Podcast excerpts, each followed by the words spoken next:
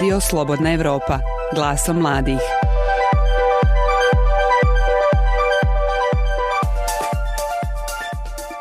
Policijski sat u Bosni i Hercegovini kao i Srbiji zbog pokušaja usporavanja širenja koronavirusa, ograničeno ili zabranjeno kretanje, zatvorene prodavnice, servisi, mjesta za kulturu, ostavili su brojne od nas prisiljene da se naviknemo na novu stvarnost.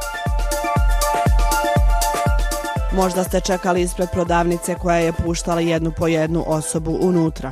Možda tokom sastanka kojeg sada održavate preko video poziva. Možda kada ste shvatili da čak i da možete, nemate gdje izaći jer je sve zatvoreno ili nemate s kim jer su svi u izolaciji. Ili kada ste vidjeli vijesti o novim žrtvama COVID-19 i sada gotovo milionskom broju oboljelih.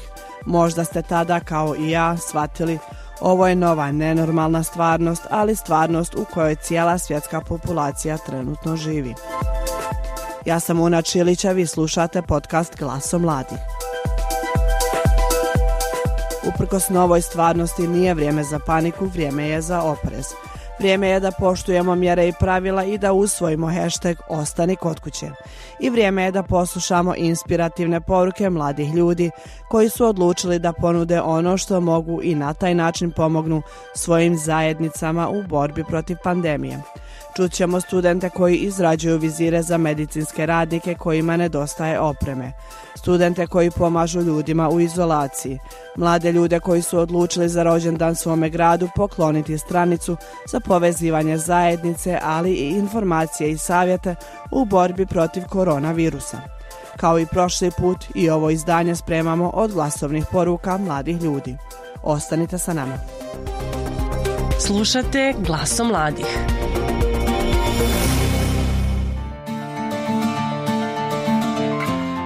Pa moramo nekako pomoći zajedničkim snagama da se ovo riješi što prije.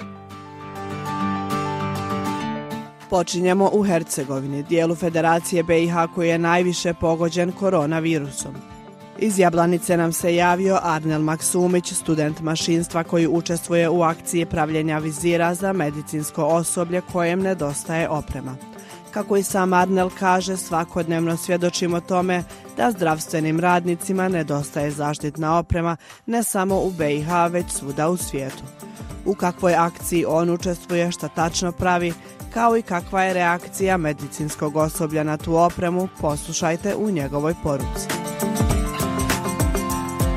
Preko medija sam prvo zapazio akciju koju je pokrenula grupa inženjera i CGP dizajn iz Sarajeva, a u vezi ovom novonastalom situacijom sa e, virusom, oni su pokrenuli proces 3D printanja ovih plastičnih e, dijelova za zaštitne vizire koje bi koristilo medicinsko i drugo osoblje pri radu sa oboljelim ili potencijalno oboljelim e, pacijentima od koronavirusa. Oglasili se da im se pridruže svi oni koji posjeduju 3D printer i pomognu tu akciju kako ja sam posjedujem 3D printer već duže vrijeme i čime se bavim, odnosno provodim hobi kući, tako sam se pridružio i ja ovoj akciji i odmah sam krenuo sa 3D printanjem ovih plastičnih e, dijelova. Međutim, već sljedeći dan e, ta grupa inženjera je objavila vijest e, kako, kako osobe koje printaju iz drugih gradova te maske usmjere za bolnice koji se nalaze u njihovim kantonima, kako je već i poznato da je u našem kantonu jedna od gori situacija, tako sam i ja usmjerio svoju akciju za bolnice koje, se, koje su smještene tu u našim okolnim gradovima. E, uskoro, mi se, uskoro je i Mašinski fakultet Univerziteta Džemal Bijeć u Mostaru pokrenuo istu akciju na inicijativu e, CGP dizajna, tako da sam odmah pozvao kolegu iz Konjica Edmina Hakalovića koji također posjetuje 3D printer, sada mi se odazvao ovoj akciji i pridružio se zajedničkom printanju kao pripadnici, odnosno kao studenti našeg mašinskog fakulteta. Već sljedeći dan odmah nam se pridružuje i Omladinski kulturni centar Urban Art iz Jablance u kojem također rade bivši studenti mašinskog fakulteta i tako zajedničkim snagama smo nastavili sa 3D printanjem ovih plastičnih dijelova za zaštitne vizire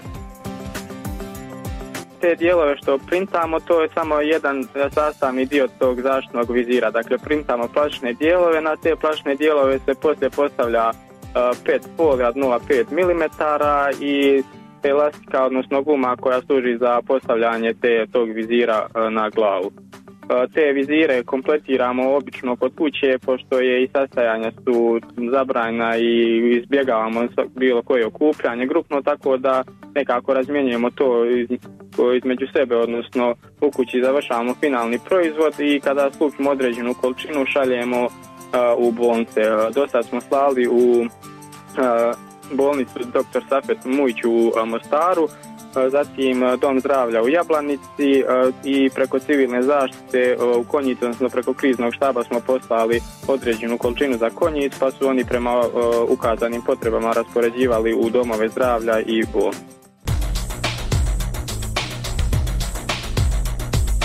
Pet stvari koje treba da znate o koronavirusu i maskama. Svetska zdravstvena organizacija navodi da većini ljudi nisu potrebne maske – Maske nude određeni nivo zaštite, ali ne i potpunu zaštitu. Blokiraju kapljice, glavni izvor zaraze. Ali manje virusne čestice mogu proći kroz njih. Virusi takođe mogu ući u telo usled dodira očiju. Svetska zdravstvena organizacija preporučuje nošenje maske ukoliko ste bolesni. Pomaže u zaštiti drugih ukoliko kijete ili kašljete. Svetska zdravstvena organizacija kaže da masku treba nositi samo ako se brinete o bolesnoj osobi, ali ne dirajte prednju stranu maske rukama i masku bacajte pažljivo.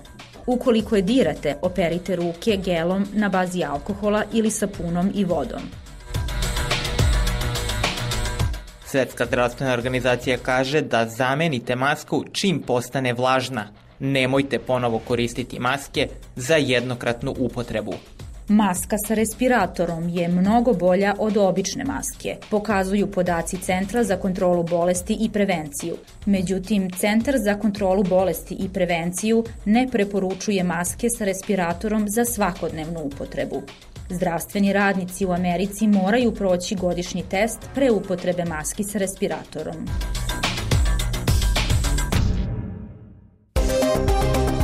Slušate glasom mladih.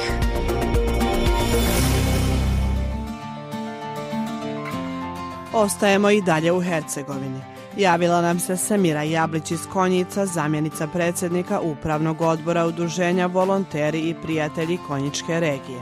15 dana volontira u akciji naziva Život ne smije stati. Uz njeno udruženje u Konjicu, gradu koji je bio jedno od prvih žarišta širenja koronavirusa u Bosni i Hercegovini, uključene su i druge brojne organizacije – U njihovom gradu nalazi se više od 20 oboljelih, a jedna osoba je preminula uslijed zaraženosti koronavirusom.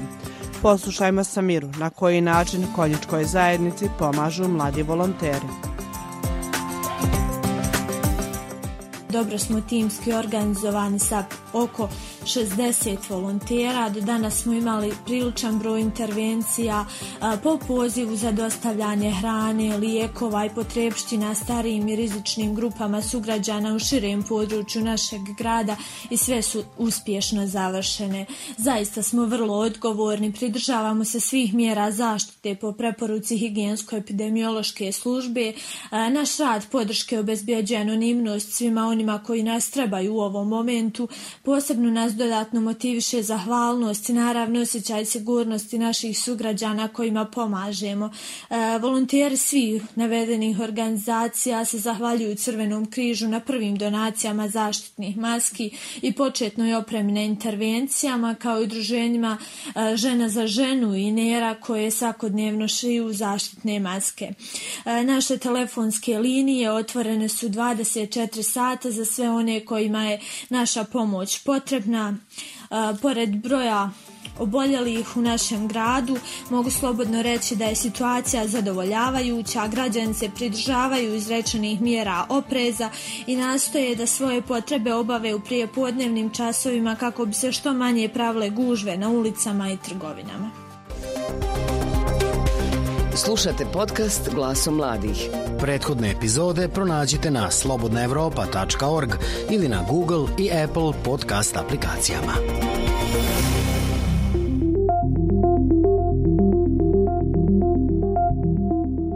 Nakon konjica slušamo Zarinu Čolaković iz Zenice. U ovom gradu je zabilježen prvi slučaj koronavirusa u Bosni i Hercegovini, a danas u Zenici ima oko 15 zaraženih osoba. Poslušajte kako je Zerina zajedno sa kolegicom došla na ideju da gradu Zenici za rođendan pokloni web platformu kojom su povezale komšiluke u Zenici i na taj način stvorili mjesto na kojem ljudi mogu tražiti pomoć. Poslušajte zbog čega Zerina misli da bi i kriza mogla biti šansa.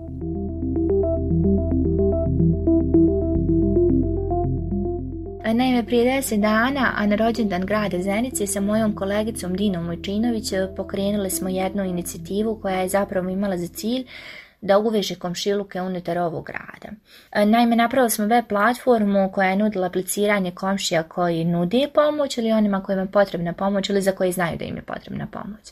Na takav način stvorili smo bazu komšija koji sada su aktivni u svojim komšilucima i koji su zapravo pružili ovaj, komšijsku ruku uh, koja je najpotrebnija u ovim momentima. Uh, bez obzira na aktivno djelovanje određenih društvenih organizacija i humanitarnih organizacija, zaista je jako bitno da čovjek čovjeku pokaže humanost jer je e, to prva ruka koja nam u svakom momentu može pomoći. S obzirom da svi imamo jeli, mnogo više vremena za određene aktivnosti i nalazimo se u izolaciji, e, Dina i ja smo zaista htjeli da svoju stručnost e, iz marketinga, s obzirom da smo objeli ovaj, vezani za marketing, sada usmjerimo ka volonterskom radu eh, kada je u pitanju naš grad Zenica. Eh, zaista želimo da napravimo jednu priču koja će poslati zaista eh, lijepu poruku ovaj, kako građanima Zenice, tako i Bosni i Hercegovini, jer zaista smatram da je nekada kriza šansa i da se zaista možemo svi ujediniti da, da napravimo jednu zajedničku, ali lijepu sliku. Slušate glasom mladih. No ovo nije jedina inicijativa koju su ove dvije djevojke pokrenule. Povezivanje kompanija i djece, kreativno takmičenje upravljanju maski, doniranje onima koji ne mogu da pronađu maske, neke su od ideja koje ima Zerina. Pa poslušajmo. Ono što je još izrazito bitno da smo pored e, ovih aktivnosti pokrenuli još jednu e, ja, jako kreativnu i, i aktivnost koja šalje e, lijepu poruku svim građanima Bosne i Hercegovine, to je iniciranje saradnje kompanija i, i djece koja zapravo eh, ima za cilj da pošalje poruku da bez te dvije ciljne skupine eh, ne možemo baš razmišljati o nekoj sjajnoj budućnosti kada je u pitanju Bosne i Hercegovine. Naime, djece, s obzirom da djeca imaju sada mnogo više vremena i nalazi se u izolaciji, vjerujem da im to jako teško pada, Dina je majka jedne djevojčice koja želi svakim danom da samo izađe vani i, i, da, i da se nastavi igrati sa svojim vršnjacima ali situacija je takva da zaista moramo pronaći e, vrijeme i kreativnost unutar kuće i ne smijemo baš biti ovaj, u ovom trenutku e, previše ni sebični kada je u pitanju ta cijela priča, jer ovo je jedan vremenski period koji zapravo e, daje samo mogućnost da nam u budućnosti bude mnogo bolji. E, zapravo djeca će imati priliku dok se nalaze u izolaciji da e, prave kreativne maske koje će slati na zenički komšiluk, gdje će komšiluci optiti komše, ali glasati za najkreativnije maske i tako ćemo animirati isto zeničane da, da, da krenu razmišljati o nekim pozitivnim stvarima, a kompanije koje već sada apliciraju pripremile su određene poklone koje ćemo darovati djeci koja budu najuspješnija. E, zadnja faza ovog projekta bi inicijativi nazvaćemo jer je nastala je onako uh, u, u, hodu kako volimo nazvati. Vjerovatno će biti da u koordinaciji sa roditeljima i djecom dogovorimo se da te maske koje one sašiju poklonimo, barem oni koji su uh, osvojili nagradi, ovaj, nagradu poklonimo ovaj, domu za nezbrinutu djecu ili neko, nekoj drugoj socijalnoj ustanovi. Uh, zaista ovim putem pozivam sve mlade ljude, zapravo sve, sve, sve sposobne osobe koje, koje imaju vremena i koje imaju neku ideju, inovaciju, da zaista uh, ne razmišljaju mnogo, da pokrenu svoju zajednici, da pošalju jedan lijep primjer uh, građanima svoga grada, tako i, i građanima Bosne i Hercegovine te da usmjere e, svoje vrijeme ka kreativnom radu. E, također ostanite kući ukoliko nemate potrebe da izlazite e, vani, e, time zaista štitite sebe i druge, e, poštujte sve naredbe koje nam šalju naše nadležne institucije jer ja, zaista jako u ovom trenutku da budemo solidarni i da ne razmišljamo samo o sebi nego da razmišljamo i o našoj okolini. Komšijski challenge, nešto što ne čujemo svaki dan. No Zarina i Dina iz Zenice predstavile su nam i ovu inicijativu koja je napravljena kako bi motivirali što veći broj građana da čine dobra djela. Slušamo poruku Dine Mujčinović. Kolegica Zerina je napravila lijep uvodni dio i predstavila cjelokupni projekat koji je počeo prije nekih desetak dana, a koji sadrži e, već mnogo aktivnosti i interakcije sa našim komšijama. Smatram da već bilježimo veliki rezultat samim tim što svakodnevno dobijamo podršku naših sugrađana, njihove ideje i lijepe i pozitivne primjere koje dijelimo na našoj Facebook stranici Zenički komšiluk, a kako bismo motivirali što veći broj građana na dobro djelo i na samom kraju tu lično zadovoljstvo učinjenim. Još bih spomenula komšijski challenge koji je također inicijativa naših komšija. Prvo je ideja sprovedena u djelo, a nakon toga podijeljena s nama i ostalim sugrađanima kao pozitivan primjer. Jedan od komšija je odlučio e, da napravi flajere s porukom da stoji na raspolaganju za sve što je potrebno svima kojima je prema naredbi zabranjen izlazak i zakači ih na vrata svih komšija u svom ulazu. Naravno, kao i svaka e, lijepa i pozitivna vijest koja se brzo širi i ova je osvojila srca e, mnogih kvartova i mnogi komšiluci su se pridružili ovoj inicijativi. Zaista nas raduje e, što smo iskoristili svoje slobodno vrijeme u samoizolaciji i potakli druge da se dobro može činiti uvijek i u svakoj situaciji. Slušate glasom mladih.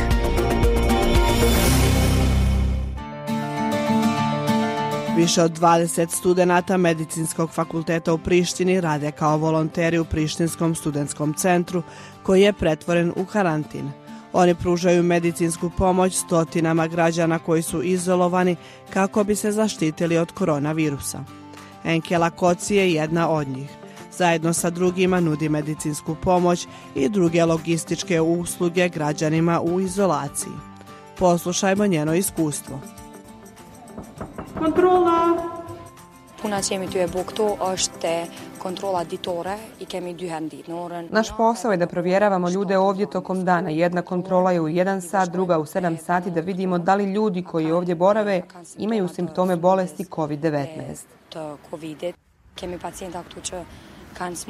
Imamo pacijente sa hroničnim bolestima i mi pratimo njihovo stanje.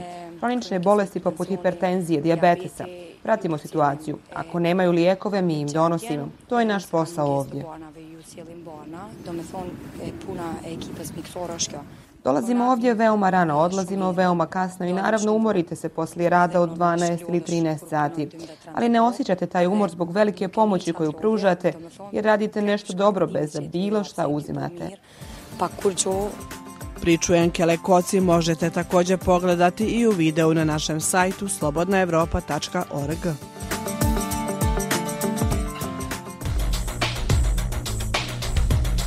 Šta se do sada zna o novom koronavirusu? Kako se COVID-19 prenosi? Smatra se da se novi koronavirus prenosi respiratornim kapljicama sa osobe na osobu. Zbog toga se preporučuje da distanca među ljudima bude 2 metra. Neko koji je aktivno bolestan može preneti bolesti na druge. Može li osoba biti testirana negativno, a kasnije dobiti pozitivan rezultat na COVID-19? U ranim fazama infekcije moguće je da virus neće biti otkriven, Negativni rezultat testa prikupljen u fazi dok osoba ima simptome verovatno znači da novi koronavirus trenutno ne uzrokuje bolest. Zato test treba ponoviti ukoliko se simptomi nastave i pogoršaju. Da li neko ko je bio u karantinu zbog COVID-19 može preneti bolest drugima? Za COVID-19 period karantina traje 14 dana od posljednjeg datuma izlaganja virusu, jer je 14 dana najduži period inkubacije za slične koronaviruse. Neko ko je pušten iz karantina ne smatra se rizikom za širenje virusa na druge, jer tokom inkubacije nije razvio bolest.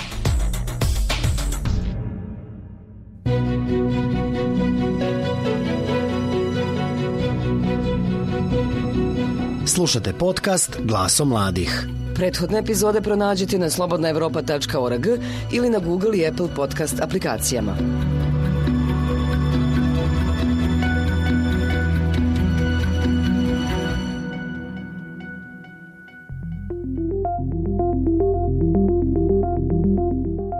Maša Rapajić ima 24 godine i studentica je šeste godine medicine na Univerzitetu u Novom Sadu.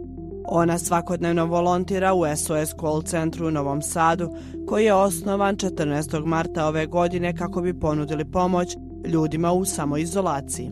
Šta je tačno njihov zadatak, na koji način rade, te šta preporučuju građanima, slušajte u Mašinoj poruci.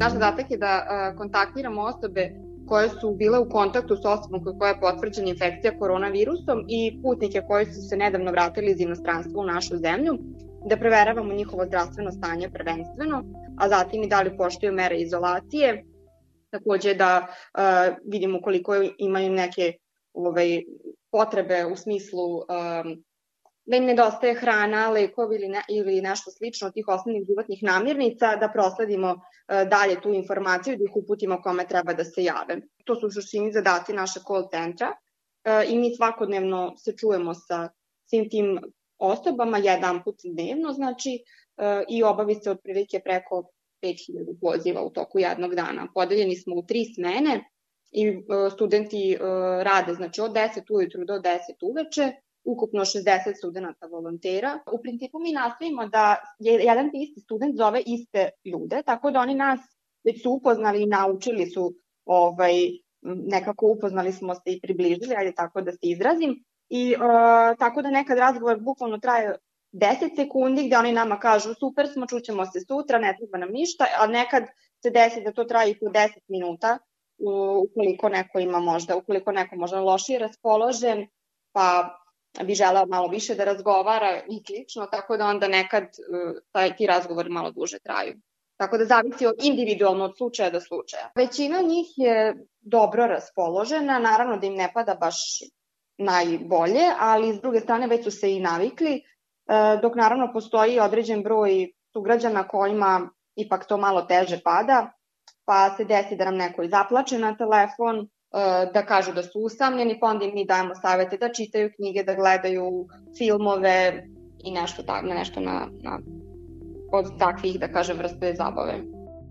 Zavisi od kakva je zdravstvena tegoba u pitanju, najčešće ih uputimo da se jave telefonom u nadležni dom zdravlja, odnosno svom izabranom lekaru, ovaj, a druga, druga mogućnost da se jave uh, epidemiologu nadležnom, u zavisnosti naravno od toga šta je problem. Generalno studenti, znači podeljeni smo u tri smene i student uglavnom prosečno provede 4 sata u call centru, e, međutim koordinatori kao što sam Dragan ili ja ovaj, provodimo sve tri smene uglavnom ovde, tako da to bude od 10 ujutru do 10 uveče, odnosno nekad čak i duže dok te spiskove sve ne ažuriramo. I u kontaktu smo redovno sa epidemiolozima, tako da njima dostavljamo spiskove i od njih dobijamo uputstva kako treba da postupamo. Tako da kad stignem kući, u suštini ni nemam vremena ni za što drugo, osim da ovaj, se istuširam i legam da spavam.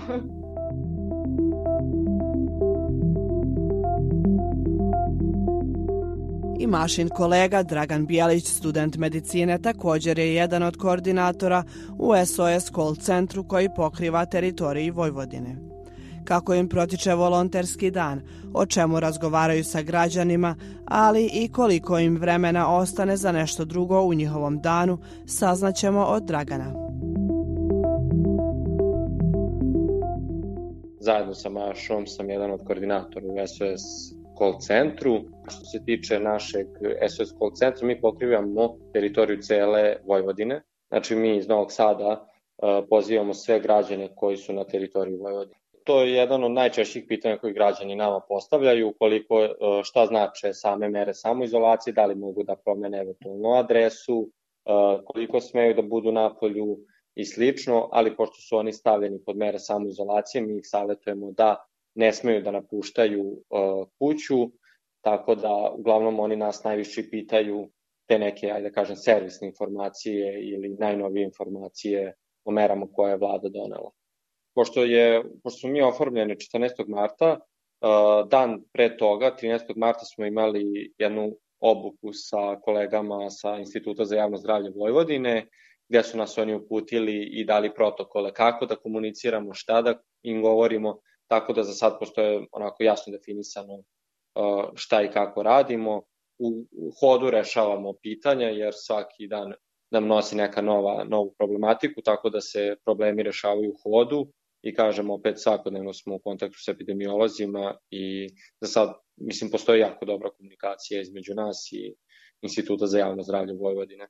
I ono što bih dodao jeste da pored ovih e, redovnih aktivnosti pozivanja građana, još smo došli na ideju nakon ove dve nedelje da oformimo jedan mobilni tim koji bi bio na raspolaganju građanima koji su stavljeni pod mere samoizolacije, da im isporučimo namirnice, lekove ili šta god im je neophodno. Takođe smo u saradnji sa katedrom za psihologiju i sad već i sa filozofskim fakultetom došli na ideju da oformimo jedan tim za psihološku podršku koji će, ovaj, koji će biti na raspolaganju svim građanima koji osete bilo kakvu potrebu za razgovorom ili slično. Isto kao i Maša, po ceo dan smo ovde na fakultetu i nakon toga bukvalno istuširam se i legnem da spavam i sutra novi dan, novi izazovi, treba ispratiti sve nove smernice, informacije koje su u prethodnom danu donešene na republičkom nivou, tako da trebamo i mi da pratimo sve te nove informacije kako dolaze i da ih jednostavno uvrstimo i taj dan za kolege koje su angažovani u call centru.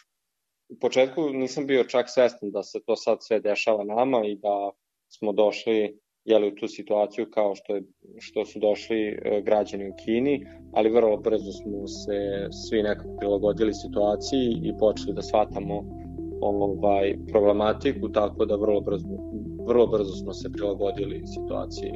Ja, mislim, to je jedna od naših e, obaveza i poziv budući da se prilagođavamo svakoj datoj situaciji.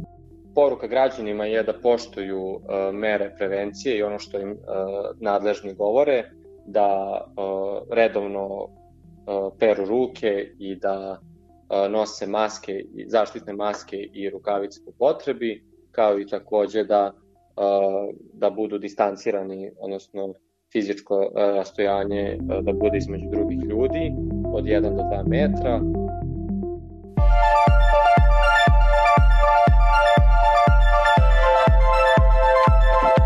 Radio Slobodna Evropa glasom mladih.